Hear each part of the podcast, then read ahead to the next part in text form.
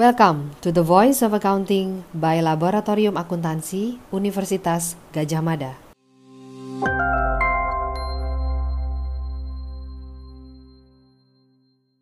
Um, untuk mempercepat waktu ya, nanti kita akan lebih banyak mendiskusikan di sesi diskusi atau question and answer session ya. Selanjutnya adalah kita menyambut pembicara kita yang ketiga, Mbak Nuraini Wanita Watan, selaku uh, praktisi dari Accenture Consulting. Kepada Mbak Nita, kami persilakan. Ya, selamat siang semuanya teman-teman. Uh, Pak Sony, oh, Akbar, Ahmad, Aksmi, ya, Ibu Dian juga, dan teman-teman lab uh, akuntansi FEB UGM, juga rekan-rekan mahasiswa ya senang sekali bisa uh, berkumpul di sini karena sebagai alumni FEB UGM diberi kesempatan untuk uh, sharing dan juga memberikan semangat ya untuk teman-teman mahasiswa bagaimana nantinya bisa uh, perform di dunia profesional di tengah sekarang banyaknya disrupsi teknologi ya. Nah, uh, saya izin share screen terlebih dahulu.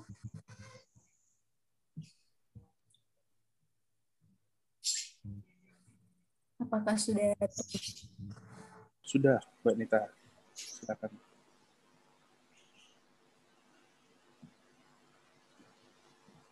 Iya, perkenalkan kembali ya, nama saya Nita. Sekarang saya sebagai manajemen konsultan di Accenture Strategy and Consulting. Um, di sini saya mau sharing dulu nih, karena saya waktu di 2016 itu lulus dari FEB UGM, kemudian pasti akan mengalami ini kalau kita lulus kuliah itu uh, kira-kira kita mau bergerak di sektor mana ya, gitu kan, public, private, uh, akademisi, atau kita mau berkecimpung dunia seperti apa. Nah, uh, itu saya uh, sempat uh, join sebagai internal audit intern di salah satu big four company. Ini kenapa saya tertarik untuk uh, waktu itu belajar tentang internal audit karena waktu di kelasnya Pak Taura waktu auditing itu Pak Taura bilang kalau memang akuntansi ini kan sebenarnya endingnya bisa ke mana aja yang nggak harus uh, sebagai akuntan, auditor dan sebagainya macamnya. Tapi kalau bisa uh, kita pernah uh, pernah punya pengalaman realnya, real case audit itu seperti apa sih, uh, real case akuntansi itu seperti apa sih. Nah akhirnya di situ saya coba daftar uh, di salah satu big four dan di sana saya belajar oh ternyata kalau audit tuh kalau kita di teori seperti ini, realnya seperti ini. Oh, yang namanya inherent risk kalau di teori seperti ini, realnya seperti ini gitu. Dan itu pertama kalinya saya menggunakan Excel. Di situ pertama kalinya, oh ternyata datanya sebaik ini ya, nggak nggak nggak seperti waktu di kelas ya datangnya satu satu paper satu screen tapi ternyata ini baik banget multiple project um, perusahaan itu datanya sangat banyak terus bisa versioning berbagai macam terus habis itu nanti di review atasan di review lagi gimana kita cara maintain data dan sebagainya macamnya. Di situ saya mulai wah ternyata seperti ini ya ternyata memang data itu penting apa pun profesi kita. Kemudian akhirnya uh, saya lulus, uh, saya bergabung uh, di consulting servicesnya dari Big Four karena ternyata di uh, Big Four itu ternyata nggak cuma ada audit aja, tapi juga consulting servicesnya, yaitu di mana kita memberikan jasa konsultasi kepada perusahaan untuk uh, bagian misalnya performa keuangannya seperti apa, baiknya pelaporan keuangannya seperti apa. Gitu. Nah, situ juga ternyata uh, banyak banget kita menggunakan data-data uh, dan mengolah data-data keuangan itu seperti apa. Jadi nanti di situ kita analisa datanya, analisa data perusahaan, terus nanti kita uh, lihat trennya, uh, pace-nya seperti apa, nanti kita bikin strategi itu. Jadi perusahaan itu sekarang inginnya uh, strateginya itu tadi ya kalau misalnya di mention sama Pak Saiful Ali, Pak Sony, Mas Kristo bahwa sekarang uh, decision driven maker. Jadi uh, data data decision base gitu ya. Jadi semua harus berdasarkan datanya ada gitu. Jangan cuma sebagai intuisi aja tapi uh, sudah melihat tren, sudah bisa prediktif dan prediktif. Nanti itu kita bahas. Kemudian uh, sekarang uh, saya join di manajemen consultant Accenture yaitu salah satu uh, uh, di teknologi firmnya. Dan di situ juga saya melihat bahwa uh, kita nggak bisa uh, berdiri seorang diri gitu ya sebagai akuntan aja atau sebagai uh, orang punya uh, domainnya menguasai di bidang bisnis aja. Tapi ternyata kita juga harus bisa paham teknologi gitu. Nah di sini saya banyak uh, mengerjakan proyek-proyek yang bekerja sama dengan orang-orang teknologi gitu. Jadi ketika kita diskusi nanti di dunia uh, pekerjaan di dunia profesional itu tidak hanya kita membawa uh, ilmu kita dari kuliah ya misalnya kita memang expertnya di akuntansi tapi kita juga harus bisa open dan bisa berdiskusi gitu jadi membahas tentang IoT misalnya membahas tentang uh, blockchain membahas tentang uh, itu kita juga harus paham nah di situ uh, saya belajar bahwa apa pun nanti profesi kita ke depannya itu data itu sangat uh, kemampuan kita untuk bisa mengolah data, kemampuan kita terhadap uh, open mind terhadap teknologi itu sangat penting. Di sini saya harapkan teman-teman juga rekan-rekan uh, uh, bisa mengambil manfaat ya dan uh, bisa mengambil insight baru terkait data. Lagi nanti setelah ini kita akan melakukan workshop ya terkait Excel. Nah, selanjutnya kenapa data analytics itu penting ya untuk akuntansi? Yang pertama tadi, jadi akuntan itu akan menggunakan uh, data analytics untuk bisa menemukan insight baru dari data keuangan. Misalnya kalau akuntansi memang relatednya dekatnya itu dengan data-data keuangan ya. Jadi nanti data-data keuangan dari historical past performance itu nanti kita bisa lihat nih apa sih uh, insight baru misalnya kalau sekarang ada sistem ya misalnya ada early warning system, misalnya suatu sistem keuangan, kemudian nanti dia bisa membaca tren ada data-data keuangan yang abnormal. Nah, di situ bisa jadi nanti akuntan menganalisa data-data tersebut, oh ternyata bisa ada potensi fraud nih di sini. Nah, jadi sekarang uh, kita akuntan tidak hanya bisa membaca laporan keuangan, tapi kita juga harus paham teknologi, bagaimana uh, sistem itu berjalan itu kita harus paham. Jadi kalau sekarang banyak perusahaan itu kan sudah menggunakan ERP ya, seperti SAP, Oracle dan segala macam. Itu kita juga udah harus nih, udah harus paham apa sih SAP, apa sih Oracle gitu ya, sebelum nanti kita masuk ke dunia uh, profesional itu juga penting bahwa sistem apa saja sih yang sekarang sudah digunakan oleh perusahaan-perusahaan gitu ya. Kalau misalnya uh, saya pernah uh, ngobrol waktu di uh, kantor itu lulusan uh, binus ya itu rata-rata mereka udah paham banget dengan SAP gitu. Jadi kok bisa sih kalian udah paham banget dengan SAP padahal mereka baru fresh graduate. Ternyata binus itu punya uh, partnership dengan SAP. Jadi sebelum lulus kuliah mereka udah diajarin tuh uh, sistem SAP. SAP adalah satu sistem ERP yang baik digunakan oleh perusahaan untuk ngeran nanti data keuangan dan segala macam. Jadi uh, penting banget kita sudah harus melek gitu, sudah harus uh, start duluan gitu. Jangan nunggu kita lulus baru habis itu kita cari-cari. Enggak, tapi sebelum ini inilah saat yang tepat gitu untuk sekarang kita mulai uh, cari tahu sistem dan teknologi apa sih yang sekarang lagi masif digunakan gitu ya. Kalau tadi uh, sempat di-mention sama pembicara sebelumnya ada Power BI, itu juga banyak sekarang perusahaan yang sudah bekerja sama dengan uh, tools-tools data analytics ya kayak Power BI tadi gitu salah satu waktu itu sebelumnya kantor saya juga pernah uh, bekerja sama dengan Power BI jadi kita punya akses full tuh gratis ke sana gitu kan. Nah ketika nanti sudah masuk ke kantor terus kita punya uh, tools activity kayak Power BI itu kan kalau license-nya lumayan mahal ya tapi kalau misalnya di kantor kan gratis. Nah itu gimana juga kita harus bisa utilize gitu. Utilize uh, kita gunakan untuk belajar selain juga untuk bekerja. Gitu. Nah menariknya lagi kalau kita uh, backgroundnya akuntan nih, terus kita punya data analytics, karena kita sudah paham konteks bisnisnya ya, jadi itu akan powerful banget gitu. Kalau kita uh, backgroundnya punya bisnis konteks yang dalam, kemudian kita juga paham data itu digetter atau diambil dari mana aja, ketika nanti kita facing the clients atau kita bertemu dengan si level itu akan sangat uh, apa ya, akan sangat membangun relationship gitu kita dengan uh, para business leaders gitu. Jadi kita sudah tahu, oh iya Pak, um, perusahaan Bapak ini trennya akan seperti ini ke depannya karena saya lihat dari uh, performance Bapak yang ini gitu. Jadi kalau kita bicara itu tuh ada datanya tuh akurat gitu. Jadi bikin klien tuh makin trusted sama kita. Itu penting banget. Makanya kenapa kita harus dari sekarang uh, mulai mempelajari data analytics. Nah, ini di kanan ini ada misalnya untuk auditor ya sekarang ya. Nah, sekarang penerapannya data analis untuk auditor. Kalau dulu nah misalnya untuk sampling ya, kita pakai sampling beberapa, tapi sekarang udah mulai di-employ pakai continuous monitoring. Jadi nggak cuma sampling, ya udah tapi semua data dimasukin aja dan dianalisa, di-verified gitu. Kalau dulu kan kita audit sampling, sampling, sampling ya. Jadi karena memang data sangat masuk kita sampling aja. Tapi sekarang karena dengan bantuan teknologi uh, kita bisa nggak perlu sampling gitu. Tapi misalnya udah semua data dimasukin, kita analisa, kita verifikasi, dari situ bisa terlihat trennya, errornya berapa, terus rekomendasi yang lebih akurat. Kemudian kalau misalnya kita uh, sebagai tax accountant, nah data science itu bisa untuk menganalisi, eh, menganalisa misalnya tentang pelaporan teks pelaporan perpajakan di suatu negara seperti apa atau misalnya uh, tentang regulasi di suatu negara seperti apa. Nah, itu nanti bisa dibuat beberapa skenario investasi. Mungkin Mas Kristo yang lebih paham di sini ya bagaimana membuat uh, apa data modelnya gitu ya. Nah, nanti kalau udah dibuat tuh data modelnya itu bisa cepat kita bisa kasih tahu ke perusahaan, oh iya kalau misalnya kamu mau invest di negara tersebut, mereka perpajakannya seperti ini loh. Jadi sudah termapping, sudah terlihat. Nah, itulah uh, kaitannya ya. Atau misalnya kita sebagai akuntan yang ngasih investment advice ya. Nah, itu juga bisa uh, big data itu bisa baca behavioral patterns-nya gitu kan. Makanya kalau sekarang udah masif ada marketplace ya. Kadang kan kita suka bingung ya, perasaan nggak kita nggak kita emang lagi nyari barang A tapi kita nggak nyari tuh nggak googling nggak ketik barang A. Tapi tiba-tiba misalnya kita lagi buka Instagram muncul tuh barang A gitu kan. Nah seperti itulah seperti itulah big data bekerja gitu ya. Jadi mereka uh, bisa membaca behavior kita gitu. Oh ini uh, si Nita dia lagi nyari ini nih tas nih tas buat anaknya misalnya seperti itu dia bisa tahu karena uh, saya misalnya pernah googling sesuatu tas dan segala macam atau misalnya saya pernah ngomong jadi mereka ada beberapa apps yang ternyata kalau kita nggak hati-hati mereka bisa merekam suara kita tanpa kita sadari gitu kan. Nah itu mereka membaca itu. Nah itu juga bisa digunakan big data untuk membaca nanti uh, consumer behavior kita seperti apa. Itu juga untuk perusahaan ya kak. Akhirnya uh, mereka bisa getter profit margin. Karena at the end kalau misalnya kita nanti bekerja di industri di profesional at the end memang adalah uh, yang dicari adalah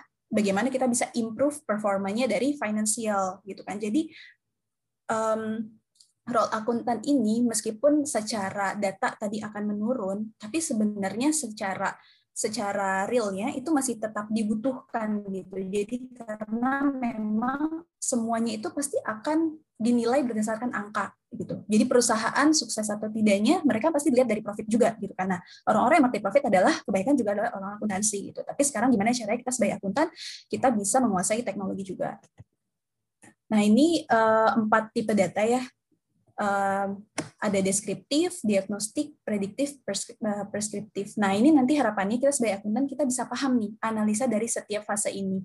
Kalau fase deskriptif itu kan um, apa yang sedang terjadi ya tadi sudah diceritakan saya ini kita sudah biasa kan membuat laporan keuangan, revenue expense, inventory. Nah, ini ini uh, di, di perkuliahan pasti saya sudah diajari seperti ini. Jadi kan nanti juga Excel juga masuknya tadi di descriptive analytics. Kemudian nanti uh, diagnostic analytics ini nanti kita lihat uh, historicalnya historical data jadi nanti dari historical uh, data kita bikin uh, apa pattern kemudian nanti ini prediktif jadi dari historical data mereka bikin pattern trend nanti bisa uh, predik nih oh karena dia datanya biasanya seperti ini prediksinya ke depannya kita melihat akan muncul pola-pola yang sama biasanya. Nah, itu di predictive analytics. Kemudian nanti di prescriptive analytics ini lebih ke aksinya. Jadi, kalau tadi membaca datanya seperti apa, ini sudah terlihat aksinya itu nanti uh, endingnya kalau misalnya terjadi sesuatu, forecast sesuatu, kita udah harus bisa um, apa ya, sudah harus bisa sudah harus bisa melakukan atau sudah harus bisa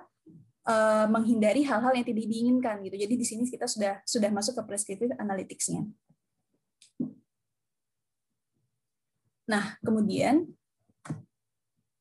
Kenapa sih sebenarnya akuntan itu bisa menjadi uh, data scientist yang excellent ya? Maksudnya bisa menjadi data scientist yang ahli kalau misalnya kita benar-benar serius nih. Karena akuntan itu, teman-teman semua ini uh, sebenarnya sudah punya technical skill yang outstanding gitu ya. Karena kita sudah terbiasa empat tahun kuliah atau teman-teman apalagi yang master ya ditambah berapa tahun gitu kan sudah terbiasa uh, menganalisa laporan keuangan, sudah terlatih gitu, sudah terlatih uh, menganalisa keuangan itu kan historical ya. Tadi kalau historical kan bisa deskriptif, kemudian nanti teman-teman juga bisa uh, di akuntan manajemen kan juga bisa prediksi misalnya cost biaya berapa ke depannya seperti itu kan. Itu sudah terlatih. Makanya ketika nanti teman-teman uh, misalnya punya keinginan yang kuat untuk mempelajari data scientist itu juga uh, sudah punya basicnya basic technical skillnya. Nah kemudian juga akuntansi itu kan sudah terbiasa ya kita memproblem solve masalah-masalah gitu kan. Kemudian kita juga sudah terbiasa uh, memahami bisnis konteksnya tadi. Karena kita terbiasa membaca laporan keuangan berbagai perusahaan kita sudah biasa oh ke perusahaan ini mereka biasanya jualnya bisnisnya ini kemudian nanti pola bisnisnya seperti ini. Dari sisi marketingnya seperti apa kita sudah terbiasa membaca annual report ya di mana annual report itu tidak hanya bicara performance keuangan aja tapi dari sisi HR dari sisi marketing tadi. Nah jadi uh, teman-teman bersyukurlah gitu ya masuk dan uh, masuk di akuntansi karena uh, teman-teman sudah terlatih gitu di technical skill terlatih, di business skill juga terlatih. Tinggal nanti kalau modal main data analytics bisa belajar ke Mas Kristal. Nah, terus ini juga yang menarik. Ada istilah sekarang teknologi question. Jadi nggak cuma IQ, EQ, tapi juga TQ. Nah, TQ ini udah uh, bahkan ada arahan bahwa beberapa perusahaan global itu sudah mulai uh, tesnya itu nggak cuma tes uh, technical, tapi juga tes teknologi dasar. Itu juga sudah ada beberapa perusahaan seperti itu. Uh, jadi dulu saya waktu mau masuk kantor yang pertama di Big Four, meskipun saya bukan dari teknologi, tapi saya dapat tes teknologi karena ternyata pas kerja juga disuruh bikin IT master plan, digital master plan untuk beberapa, uh, beberapa pemerintahan. Jadi uh, teknologi question ini juga sudah mulai uh, masif digunakan dan bisa menjadi uh, future requirement ya. Jadi nanti ketika kita mau daftar pekerjaan sudah mulai nih nanti akan dites teknologi questionnya. Dan bahkan ternyata ya uh, di NASA itu uh, pekerja itu tuh udah ada yang robot gitu. Jadi jadi nanti uh, kadang perusahaan itu akan melihat kita apakah kita bisa manage tim ya kalau di kuliah kan kita udah terbiasa ya dikasih tugas-tugas kuliah berkelompok segala macam nah nanti di dunia real jadi sebenarnya ketika kita manage tim itu itu nggak cuma teman yang satu umur gitu. Kalau di kuliah kan mungkin ya masih satu umur lah. Kalau di S1 ya, tapi mungkin di kan sudah berbagai. Nah, teman-teman di S1 kan, nah nanti di dunia kerja, bagaimana kita manage tim yang cross gender, cross umur, cross skill, bahkan robot gitu. Gimana caranya kita bisa bekerja dengan robot? Itu juga sudah sudah sudah menjadi apa ya requirements.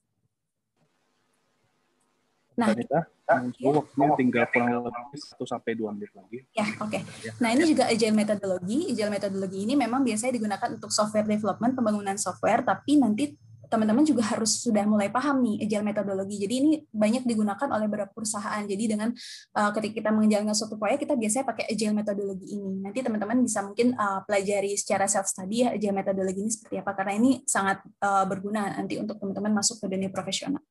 Nah, kemudian kalau kita lihat ya dari McKinsey survey ternyata uh, di sini skill yang paling jauh nih loncatannya ya selain interpersonal skill dan empati mungkin karena memang kita lagi covid crisis ya semua sedang mengalami uh, tantangan yang sama. Jadi ini yang paling masif nih beranjak dari 2019 sampai 2020 tapi ternyata yang jauh juga beranjaknya itu adalah basic digital skills. Jadi basic digital skills ini sudah sangat uh, apa ya required banget oleh uh, banyak perusahaan jadi kita harus punya uh, basic digital skill Nah, kemudian ini contohnya ya. Jadi sekarang perusahaan itu sudah membangun digital talents, apa pun uh, latar belakang kita. Nah ini kalau dari kantor saya yang lama, jadi kita diharuskan mengambil badges, EY, EY uh, kayak semacam sertifikasi gitu ya, sertifikasi.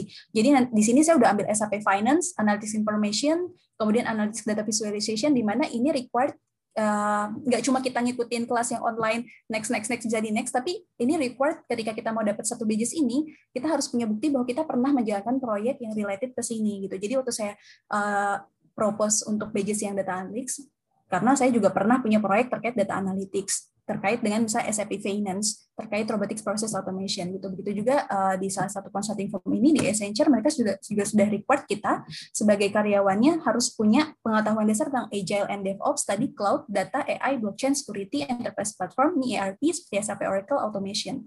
Nah, ini sebagai uh, pengetahuan yang memang sudah harus di required semua karyawan ya, semua perusahaan, uh, semua karyawan apa pun backgroundnya, meskipun dia bukan dari IT dan bahkan satu perusahaan ini ada EY Tech MBA jadi mereka uh, memberikan peluang bagi karyawannya untuk mengambil MBA tapi tetap bekerja gitu. Dan ini semuanya online.